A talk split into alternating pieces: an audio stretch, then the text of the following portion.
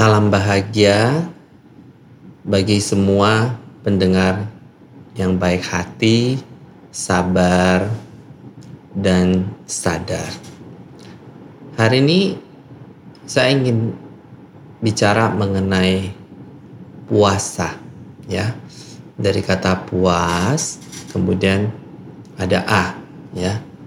Nah, enggak hanya kita menahan nafsu tidak makan, minum dan segala kesenangan kita tahan. Tapi di sini eh, menurut saya pribadi itu adalah eh, kita belajar bagaimana puas terhadap apa yang kita miliki ya uh, feel grateful gratitude for whatever we have in this world gitu ya puas atas apa yang telah diberikan oleh alam semesta, puas atas apa yang telah diberikan oleh Allah Sang Pencipta, kemudian juga puas atas kelahiran di mana kita ada di dunia fana ini, kemudian juga puas atas segala yang telah diberikan oleh seluruh makhluk hidup kepada kita semua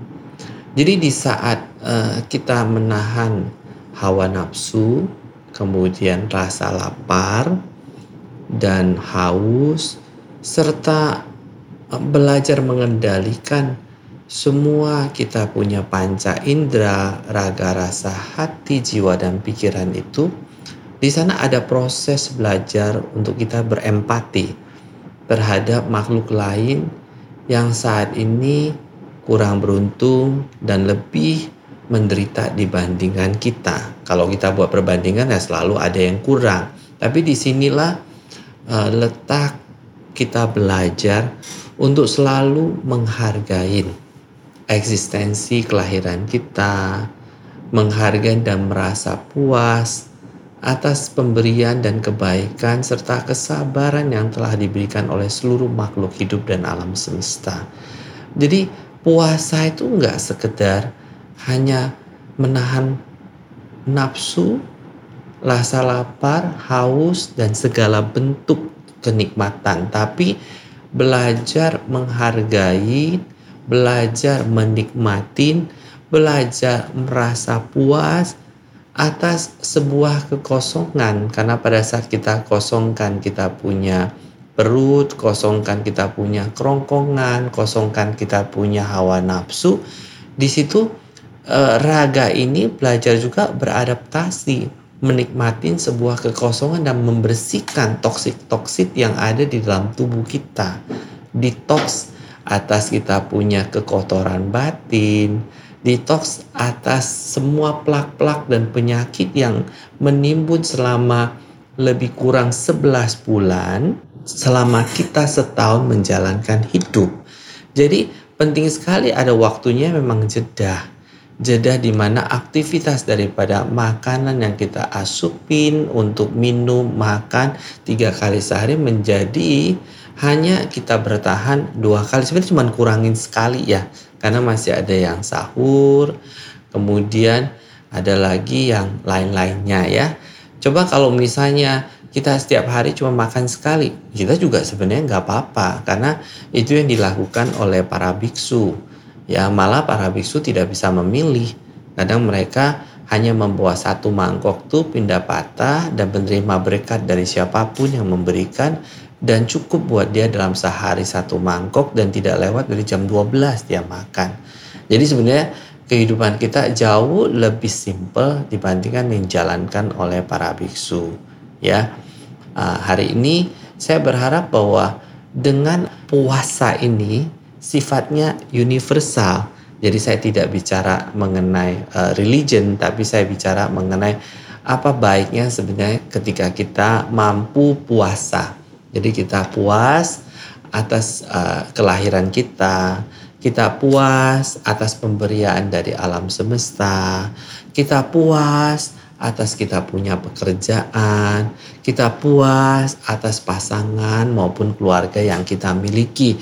Jadi intinya kita mampu untuk merasakan betapa bersyukurnya kita telah terlahir ke dunia dengan memiliki segala plus minusnya lah ya. Jadi jangan selalu mau ingin sempurna karena kesempurnaan itu adalah menerima segala konsekuensi dan realita daripada hidup dan belajar atas segala kekurangan. Dan di situ menjadi kita punya guru. Karena di dalam hidup kan tentunya tidak ada yang namanya garis lurus ya.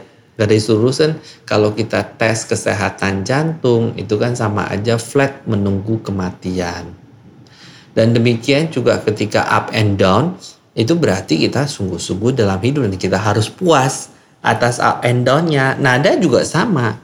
Untuk membuat sebuah irama lagu itu kan ada tone ya. Do, re, mi, fa, so, la, si, do. Nah, ini juga sama. Kebayang nggak kalau misalnya uh, demennya suara tinggi cuma do tinggi. Yang ada orang bilang ini orang emosi melulu gitu kan. Tapi juga ada yang nggak mungkin do-nya datar terus. Orang pada ketiduran. Itu kenapa irama terbentuk dengan up and down, naik turunnya sebuah nada. Demikian juga kehidupan. Anda akan menikmati dan belajar riding the wave of life yang up and down. Dan dengan adanya up and down itu sebenarnya membentuk seni dari kehidupan itu menjadi indah. Kita lihat aja sebuah lukisan itu kan adalah campuran dari berbagai warna, berbagai bentuk, berbagai lengkungan rumah aja bisa terjadi kalau uh, dia punya perseginya ada yang panjang, ada yang bujur sangkar, kemudian ada yang segitiga, ada oval, ada bulat, baru bisa terbentuk sebuah rumah kan. Dia tidak semuanya bulat. Kalau bulat semua bagaimana? Gelinding lah ya. Jadi di situlah kita belajar melihat bahwa alam semesta dari sejak awal itu mengajarkan kita untuk bisa unity in diversity, bineka tunggal ika, bersatu dalam segala perbedaan dan melihat collateral beauty-nya. Bukan one by one ya. Kita lihat kita punya jari sendiri represent daripada uh, perbedaan yang begitu indah. Ada jempol, telunjuk, jari manis, jari tengah. Mana ada yang sama kalau bentuk jempol semua? Bagaimana coba bentuk? Kita punya muka juga sama, ada naik turunnya. Ada mata, ada hidung, ada telinga, ada rambut. Shape-nya juga semua berbeda-beda. Jadi mulai hari ini, lihatlah kita punya sekitar dan terimalah dengan penuh rasa puas dan rasa syukur bahwa perbedaan itu adalah keindahan dan perbedaan itu adalah maha guru di mana kita bisa belajar saling melengkapi. Tapi kenapa ya kalau kita lihat di dunia sekarang yang ada orang perang semua mau disamaratakan gitu. Yang nggak mungkin yang namanya kita melihat pemandangan aja bunga aja warnanya beda-beda. Ada yang tumbuh di dataran tinggi, ada yang di dataran rendah pohon juga berbeda-beda. Ada yang tinggi, ada yang sedang, ada yang pendek, ada yang jadi rumput, ada yang jadi tanaman, ada yang jadi kembang. Jadi semuanya membentuk satu kesatuan yang kita sebut dengan alam semesta yang penuh dengan warna. Ada lautan juga, ada sungai, ada gunung, kemudian ada angin, ada panas sinar matahari, ya jadi kombinasi semua unsur alam semesta itu sendiri memang tidak ada yang sama dari sejak awal terbentuknya alam semesta ini. Manusia juga kalau kita lihat ya, sampai kapan pun tidak akan pernah sama. Dan di situlah kita belajar atas perbedaan itu dan sejak awal kan kita diajarkan kecil untuk mampu membedakan dan juga belajar persamaan dan perbedaan, tapi tidak untuk mengajarkan orang terpecah belah hanya karena adanya perbedaan. Tapi kita belajar mengunderstanding. So, let it flow eternally. Dari sebuah kehidupan life itself itu let it flow eternally. Biarkan terus mengalir seperti energi, seperti air, seperti udara. Biarkan dia mengalir. Jadi kalau setiap hari ada menemukan perbedaan, permasalahan dalam hidup, juga jangan di hold back menjadi suffering. Tapi kita lihatlah semua sebagai fenomena yang seperti langit yang kemudian biru ditutupi oleh awan, kemudian ada angin datang, geser lagi tuh awan, kelihatan lagi tuh biru. Nah, kesadaran kita adalah seperti langit yang biru. Saya harapkan bahwa puasa mulailah kita renung kembali untuk bisa puas diri atas raga kita, puas diri atas kita punya perasaan, puas diri akan pikiran kita, puas diri akan hati kita, dan puas diri atas pekerjaan, keluarga, dan segala bentuk rupa raga rasa yang saat ini kita miliki. Ya, karena tidak semua orang mempunyai keberuntungan seperti yang kita dapatin saat ini. Kita lihat ada beberapa negara yang terus mengalami konflik, peperangan seperti Palestina, kemudian sekarang Ukraina, Afghanistan, Syria, Irak dan segala macam. Kita di Indonesia sangat beruntung ya. Kita mendapatkan pemimpin yang baik, terus kemudian kita mendapatkan musim yang baik, hanya kemarau sama hujan. Jadi lebih mudah kan kita beradaptasi siang dan malam. Terus kaya akan sinar matahari ya. Kaya akan sumber daya. Belajarlah untuk puas dan menerima bahwa ini adalah bagian dari keberuntungan setiap manusia yang terlahir di Indonesia. Mulai hari ini dengan puasa saya berharap kita puas atas segala pemberian dari alam semesta, Allah Sang Pencipta, maupun segala bentuk kenikmatan yang telah kita miliki hari ini. Tapi harus selalu ingat bahwa kita juga harus puas atas ketidakabadian karena tidak ada abadi di dunia ini.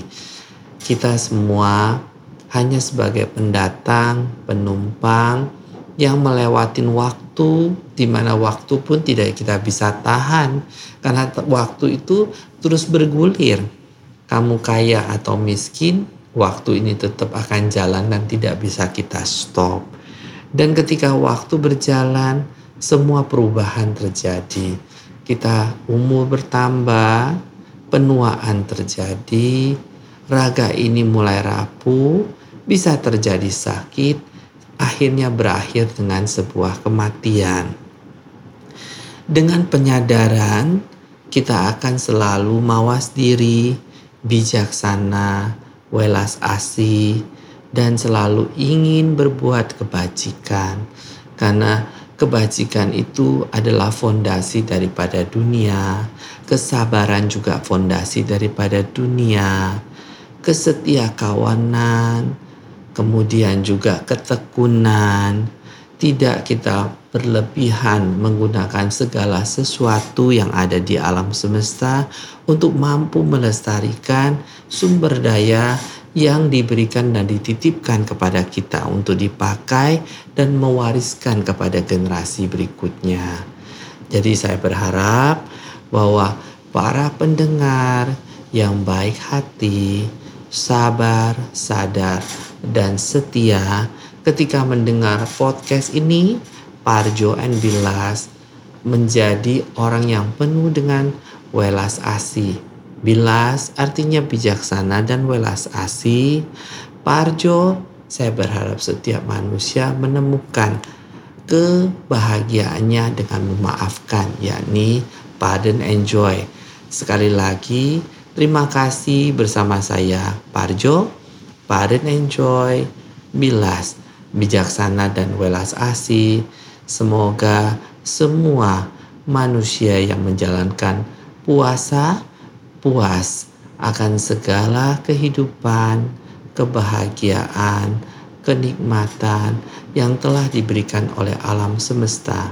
Terima kasih, semoga berbahagia.